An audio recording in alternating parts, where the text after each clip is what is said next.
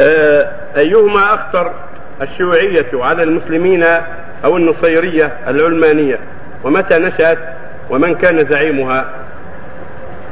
كلها شر على المسلمين. النصيرية من الباطنية من عباد غير الله يزعمون أن لا إلههم علي وأن يعبدون أهل البيت والنصيرية وسائر الباطنية من الشيعة كلهم أعداء الإسلام وكلهم متجمعون ضد الإسلام.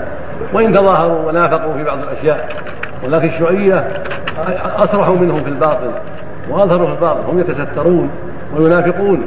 وأما الشيوعية فقد لا تنافق وتظهر شرها إذا أمنت وقدرت وإذا لم تقدر نافقت مثلهم.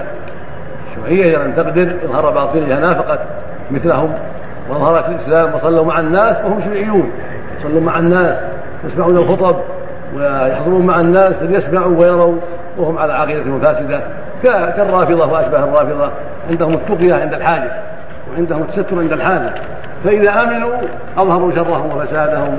الباطنية من النصيرية وغيرهم والرافضة وغيرهم من أنواع من أنواع الفرق الباطنية وهكذا الشيوعيون أينما كانوا. متى كانت لهم السيطرة أظهروا شرهم وفسادهم وخبثهم. ومتى غلب غلبوا آه، كتموا أمورهم. وتظاهروا بالنفاق والإسلام نسأل الله العافية. نعم.